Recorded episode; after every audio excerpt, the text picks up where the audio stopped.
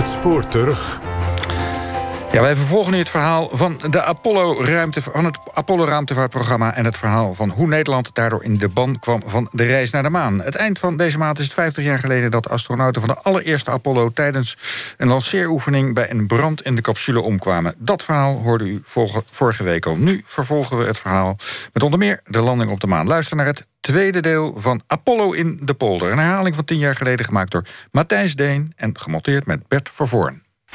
I believe that this nation should commit itself to achieving the goal before this decade is out of landing a man on the moon and returning him safely to the earth. Talk a little bit about what happened. How am I doing?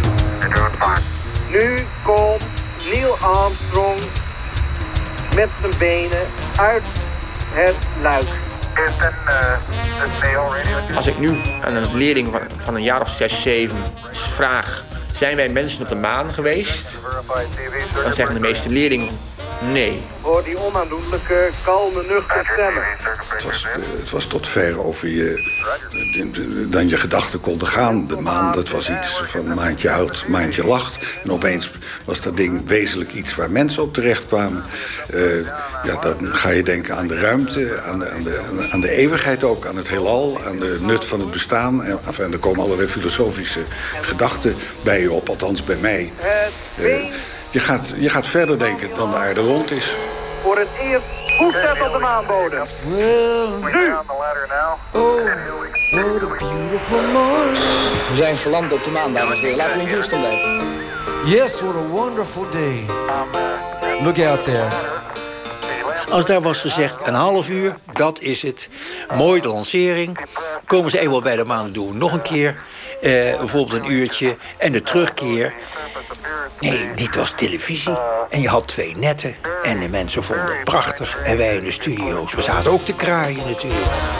She says, oh, what a beautiful morning. Yes, what a wonderful day. I've got a beautiful feeling.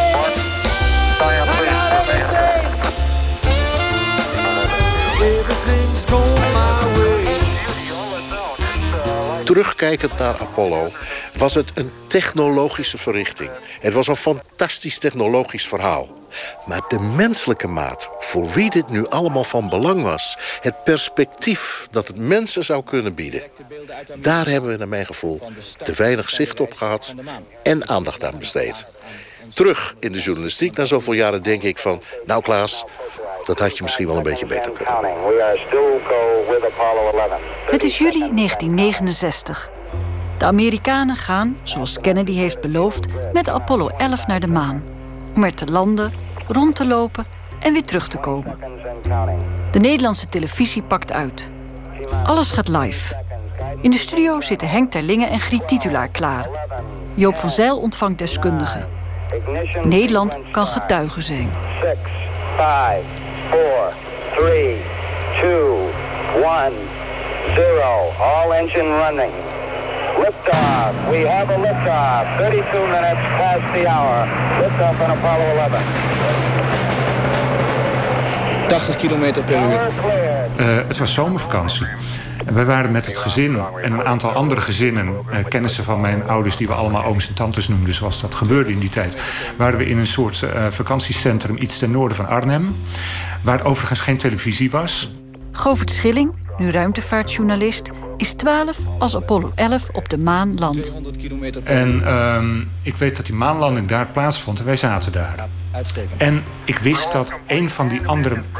Die, een van die kennissen van mijn vader die daar was oom Kees, die woonde in Arnhem, niet zo ver. Wij hadden thuis geen televisie, maar oom Kees had wel televisie. En ik was, uh, ik was twaalf toen. Ik durfde dat waarschijnlijk niet aan die man zelf te vragen. Dus ik heb aan mijn vader gevraagd van... kunnen we niet aan oom Kees vragen of we daar vannacht heen kunnen? En dat gaan bekijken. Maar nee, ik kreeg het horen, dat was allemaal nergens voor nodig. Dat stond morgen weer in de krant en het werd nog wat uitgezonden. En bovendien, ik was twaalf en iemand van twaalf had helemaal geen, uh, had helemaal geen uh, nut om tot drie uur s'nachts op te blijven. Dus ik moest gewoon naar bed. En uh, ja, wie schetst mijn verbazing? De volgende ochtend word ik wakker. En mijn vader met een enthousiast verhaal. Joh, ik ben vannacht toch met oom Kees naar Arnhem geweest. En we hebben dat gezien. En dat was prachtig en indrukwekkend, die maanlanding. En uh, ja, ik voelde me natuurlijk behoorlijk genomen. En kijk, ik, denk misschien dat mijn daaropvolgende fascinatie voor alles buiten de aarde misschien een soort wraakoefening is geweest van ik moet het toch nog goed zien te maken. Ik heb het belangrijkste moment van de 20e eeuw misschien gemist, maar ik ga dat op de een of andere manier proberen in te halen. Dat betekent dat men nu verwijderd is van de aarde iets meer dan 185.000 kilometer. En dat heeft er wel toe geleid, het is misschien een raar zijsprongetje... toen in 19, eind 1985 uh, komeet Halley aan de uh, Nederlandse sterrenhemel zichtbaar was. Toen heb ik mijn uh, zoontje, die toen nog geen één jaar oud was heb ik achter het oculair van mijn telescoop gehouden. Uh, kijk, fotonen van komeet Halley hebben zijn netvlies geraakt. En als die 86 is, kan hij dat nog een keer meemaken. En, en, dat komt toch echt wel door het feit van... ik wil later niet te horen krijgen van... Uh, je hebt me dat onthouden. Dus uh, ik heb het op, op die manier wel goed gemaakt. De primaire taak voor de bemanning van Apollo 11 was om op de maan te landen. Als dit slaagde, dan konden zij wat bodemmonsters vergaren... en de eerste wetenschappelijke experimenten ondernemen. Het was half tien s morgens, 16 juli 1969... toen de lancering van Apollo 11 plaatsvond... met astronauten Neil Armstrong, Michael Collins en Edwin Aldrin... Buzz Aldrin aan boord. De hele wereld hield zijn adem in en wachtte met spanning op dat historische moment. En daar kwam het. Verbazingwekkend dat je achter je radio en je kleine televisie... dat je het overal op de wereld dit kunt volgen. Ik denk dat Hugo van Rijn van die dag een buitengewoon opgetogen jonge man was. We moeten er bijna zijn die ja, toch ook wel een stukje van zijn eigen droom al hè, verwerkelijkt zag worden. Het was een hele bijzondere nacht. Uh, het gebeurde. En het kon mij bij wijze van spreken niet vroeg genoeg gebeuren. De Lunar is geland. De eerste mensen zijn op de maan. Ik had constant het contact tussen Mission Control en de astronauten in de Apollo 11 had ik op mijn hoofd.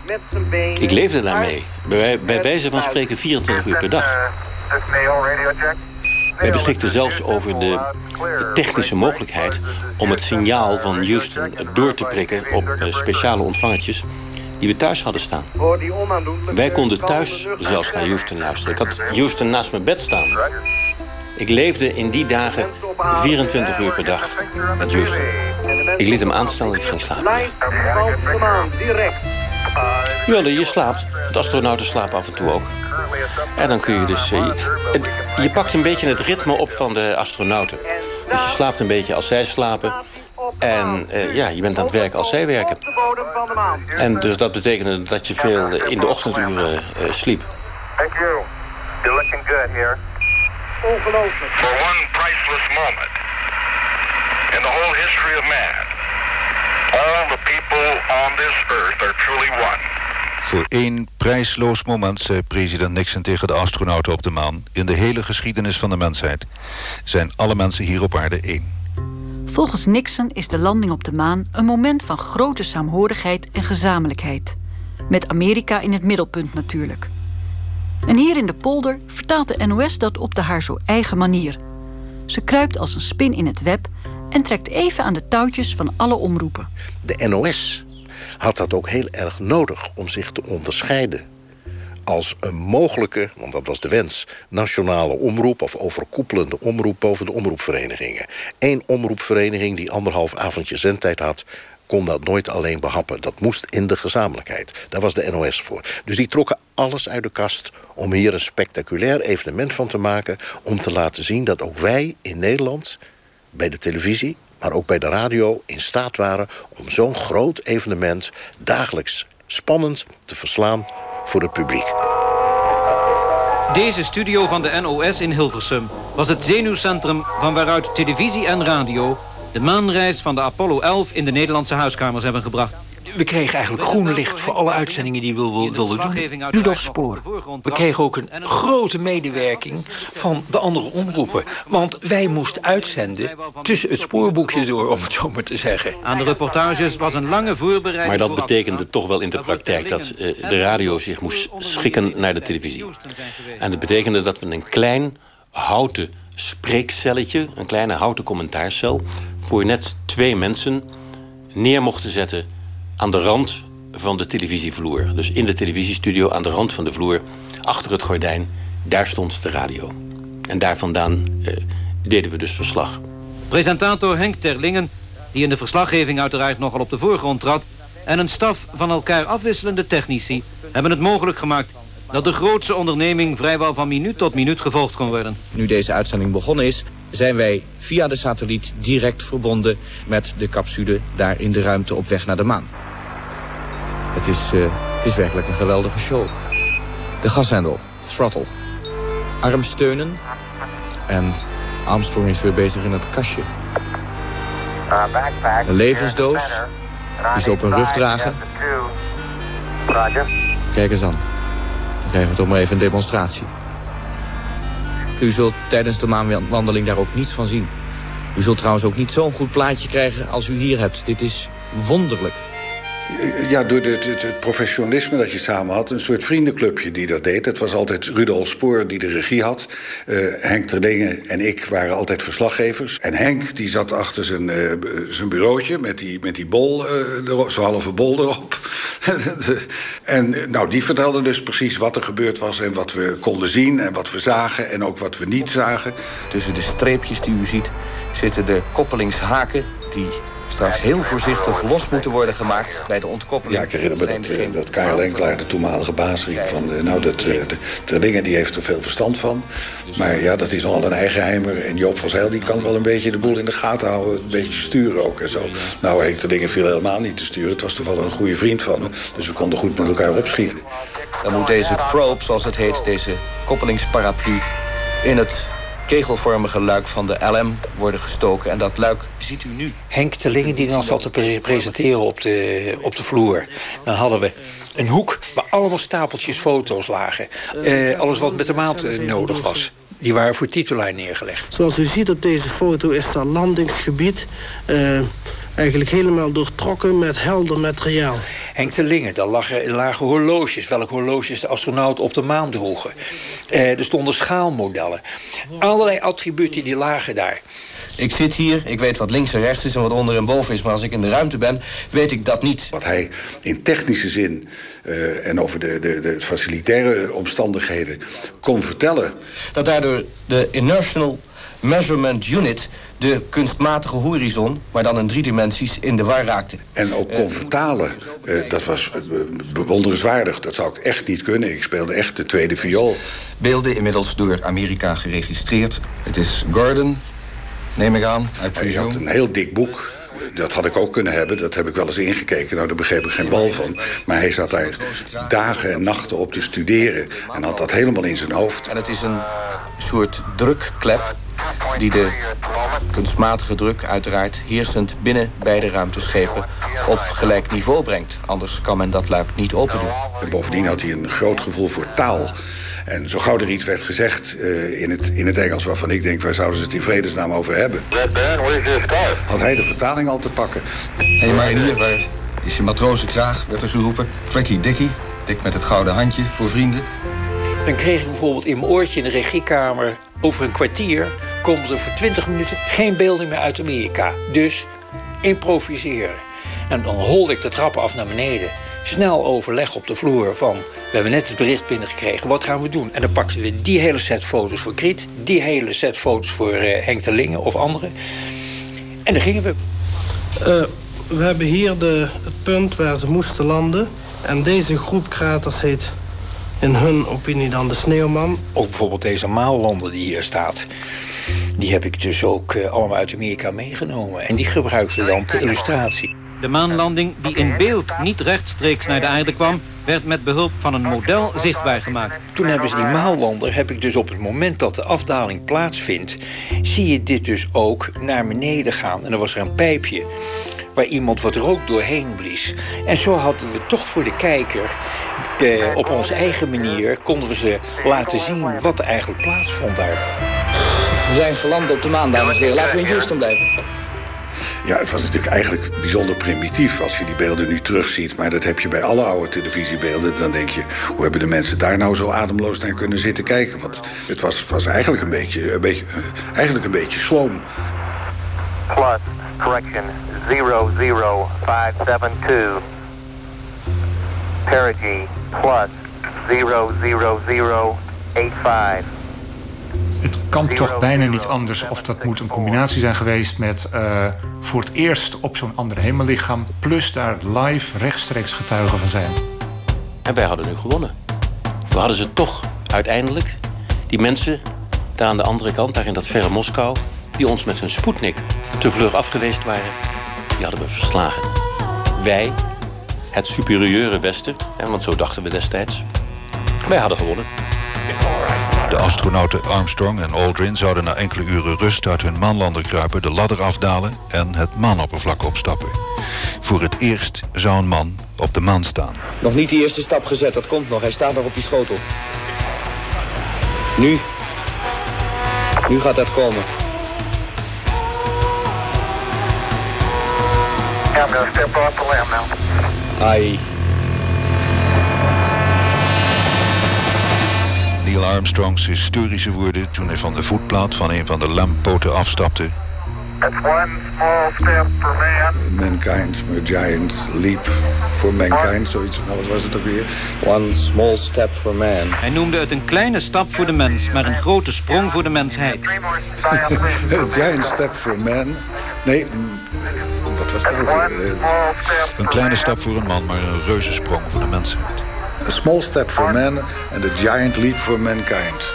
Dat, dat was Houston. We're copy. We copy. Het is ongelooflijk.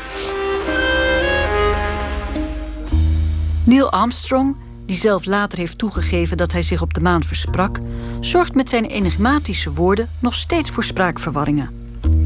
Maar er was niemand die daar op die julidag in 1969 een punt van maakte. Nederland zweefde, opgetild door het enthousiasme van het moment. Oh, what a beautiful morning.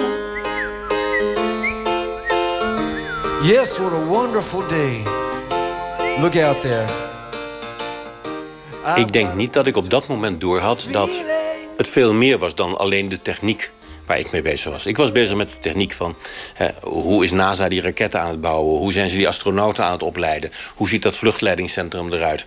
Wat is de situatie daar op Cape Canaveral? En ik denk dat ik weinig besef had op dat moment wat uiteindelijk de emotie zou zijn die rond dat hele Apollo-project ontstond.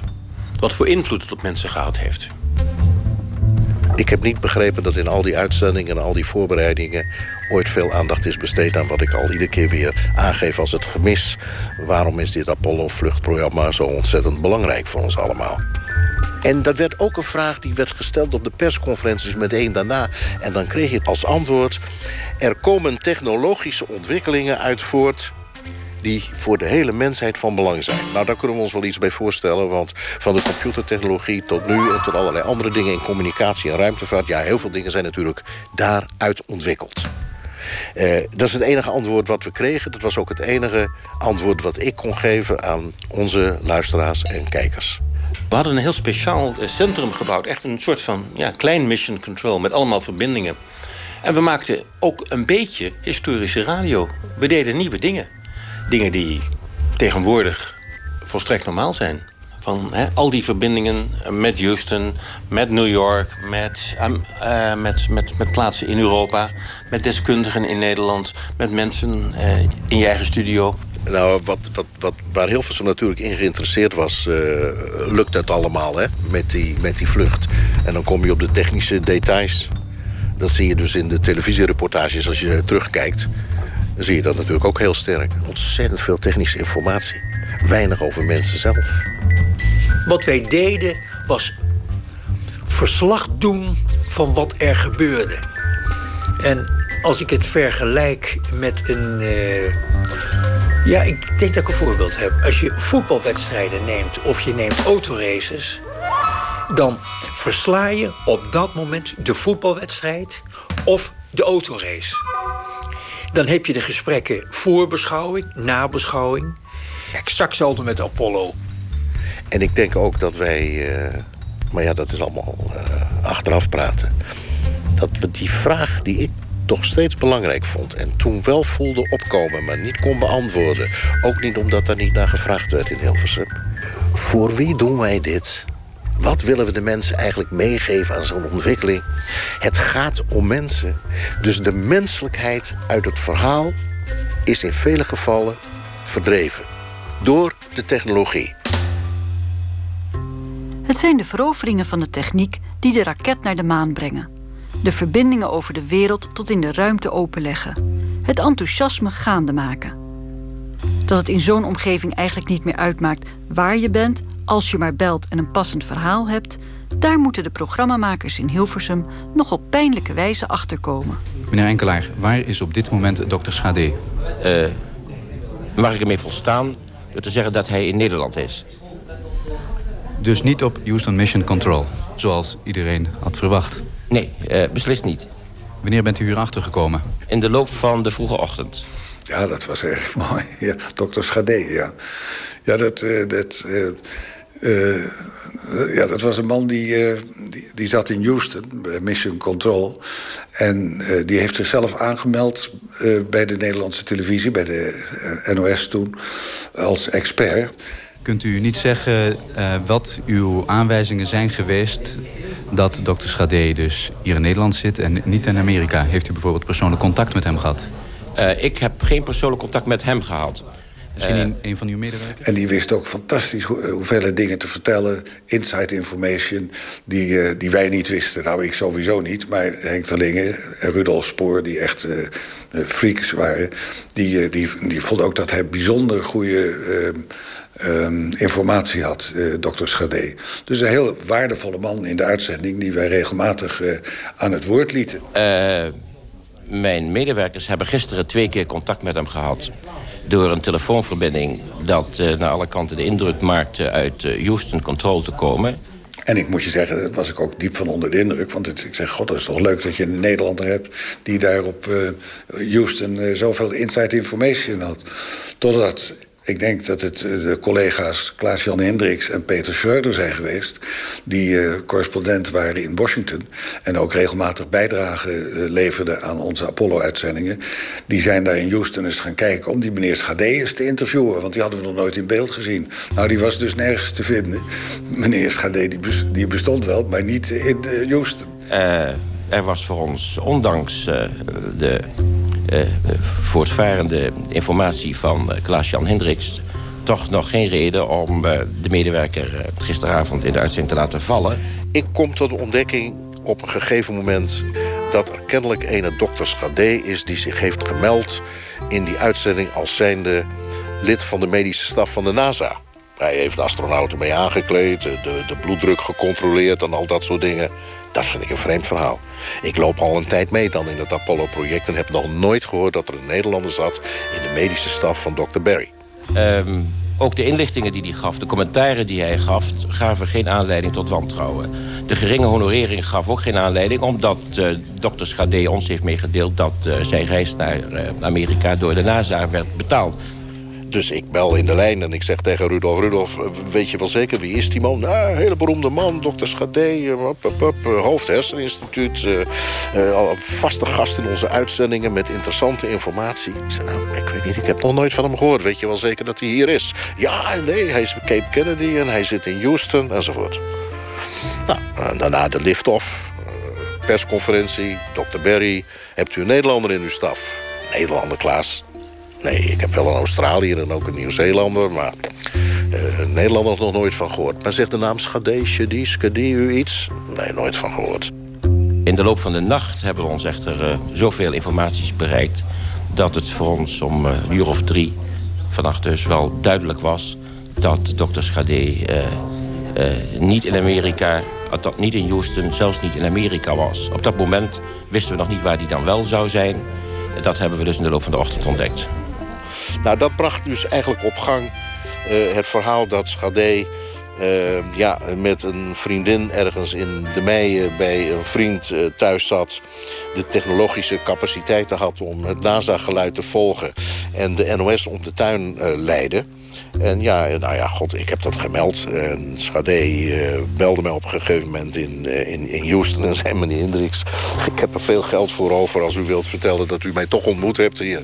Waarop ik zei, nou, ik zal mijn geld maar bewaren... voor een goede advocaat. Ik, ik, ik doe daar een beetje geheimzinnig over... omdat ik vind dat... Uh, onze verantwoordelijkheid met betrekking tot deze vreemde zaak ophoudt... daar waar de medewerking van dokter Schade ophoudt... en zijn verblijf verder, dacht ik, in de privésfeer ligt. Ja, ik, ik, moet je zeggen, ik zit zo in elkaar. Ik, ik, eh, ik kreeg geloof ik een rolberoerte van het lachen, eerlijk gezegd. Maar uh, Rudolf Spoor en enkele dingen, die vonden dat toch wel heel erg. Ja, ik herinner me dat daar toch nog wel wat rare woorden over gezegd zijn over en weer. Dan is dat dan nooit behoorlijk uitgezocht en zo. Nou ja, dat hebben Schreuder en Hendricks op een gegeven moment gedaan. Met fatale gevolgen natuurlijk voor de mentaliteit van het thuisteam. Dat je daar, nou ik wil niet zeggen oplichten, dat klinkt een beetje lullig. Maar het kwam eigenlijk wel op neer dat je die man zo ruim antwoord had gelaten. Met zijn fantasieën. Het ging mij om het feit dat wij dus daarop ook niet secuur genoeg geweest waren... kennelijk om te scannen welke mensen wij in de uitzending lieten optreden. En of ze daar ook wel ter plekke waren. Dit was een kapitein van Keupenik verhaal, de man die niet bestond. De affaire Schade is niet goed voor de geloofwaardigheid van het Apollo-project. Want er zijn altijd mensen die zoiets buitennissigs niet wensen te geloven. Wij hadden in die tijd een tante van mijn moeder lange tijd bij ons in huis wonen. Heel oud mensje, heel oud lief mensje, tante Jannetje. En uh, die heeft het ook allemaal meegemaakt. En ik was als knaapje was het heel erg geïnteresseerd in, dat, in al die dingen. En ik denk dat ik ook op de tv zat te kijken... en dat uh, tante Jannetje hoofdschuddend de camera uitliep... en zei, jongen, geloof dat toch niet allemaal wat ze je op de televisie wijsmaken. Ik herinner me nog de, de, de bekende wijsgeer Cornelis Verhoeven. Die uh, moest ik interviewen en die zei tegen mij... De, kijk, wat we nu, nu zien, dat is flauwekul. Dat kunnen die Amerikanen zo ergens namaken. En die kunnen ons via dat medium televisie net doen geloven... alsof, uh, alsof het werkelijk gebeurt, alsof ze werkelijk op de maan zijn. Dat is dus niet waar. En een theoloog die zette weer allerlei uh, kanttekeningen bij het, feit of je daar nou wel op uh, uh, van Gods aarde uh, weg moest... en, en zomaar zonder zonde op te lopen daar op een, een hemellichaam kon gaan zitten. Ja, ik, ik kan me die geluiden ook nog wel uit die tijd herinneren. En het komt misschien ook omdat er aan de eerste astronauten... of de eerste cosmonauten is ook een keer die vraag gesteld van... heeft u God gezien? En ja, ik denk dat veel mensen daar toch wel moeite mee hadden. Ook met het landen op een ander hemellichaam. Wat had de mens daar te zoeken? Dat was helemaal niet ons domein. Ik, ik, ik geloof dat er ingespeeld werd op de verwondering die mensen hadden. Want dat is een van de meest kenmerkende dingen van ons vak en van televisie... wat we mensen willen laten zien. Iets waar je over kon verbazen dat dat mogelijk was. Ik denk ook dat het zo was dat er mensen zijn geweest in Nederland... groepen mensen zijn geweest in Nederland... die het beangstigend vonden omdat als je de ruimte gaat verkennen... en op deze wijze je technologie gaat gebruiken... dat je ook het onbekende kan tegenkomen. En dat onbekende kan soms ook bedreigend zijn. Het was niet zo, maar iedereen wilde dat wel om die beide redenen, denk ik, volgen. En dan wordt het grappig, want de Apollo 11 landing in de oceaan...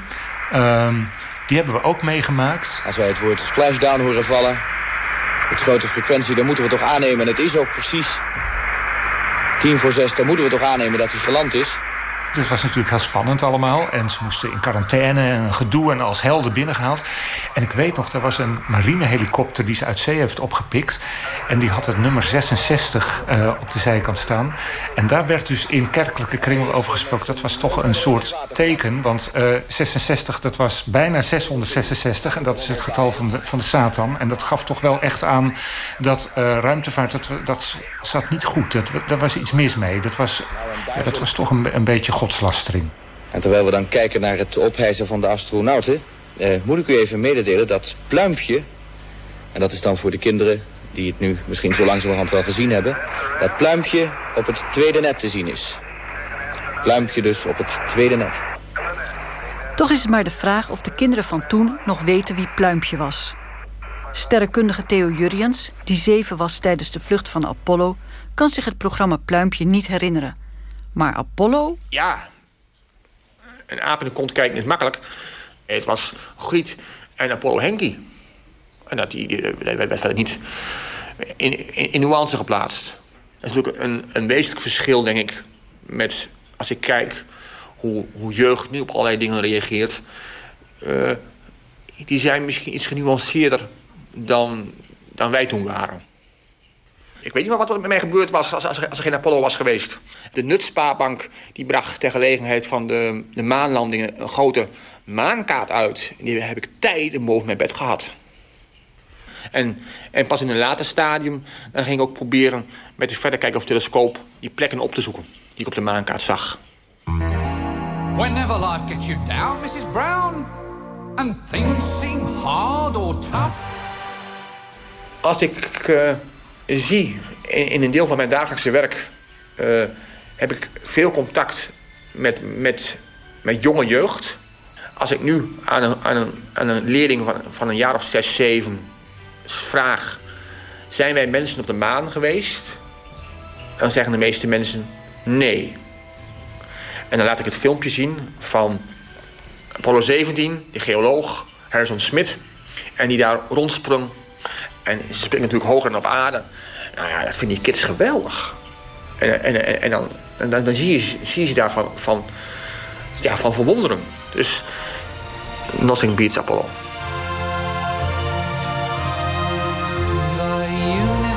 itself keeps on expanding and expanding in all of the directions it can whiz. As fast as it can go, the speed of light, you know. 12 million miles a minute and that's the fastest speed there is. So... Ja, dit was het laatste en tweede deel van Apollo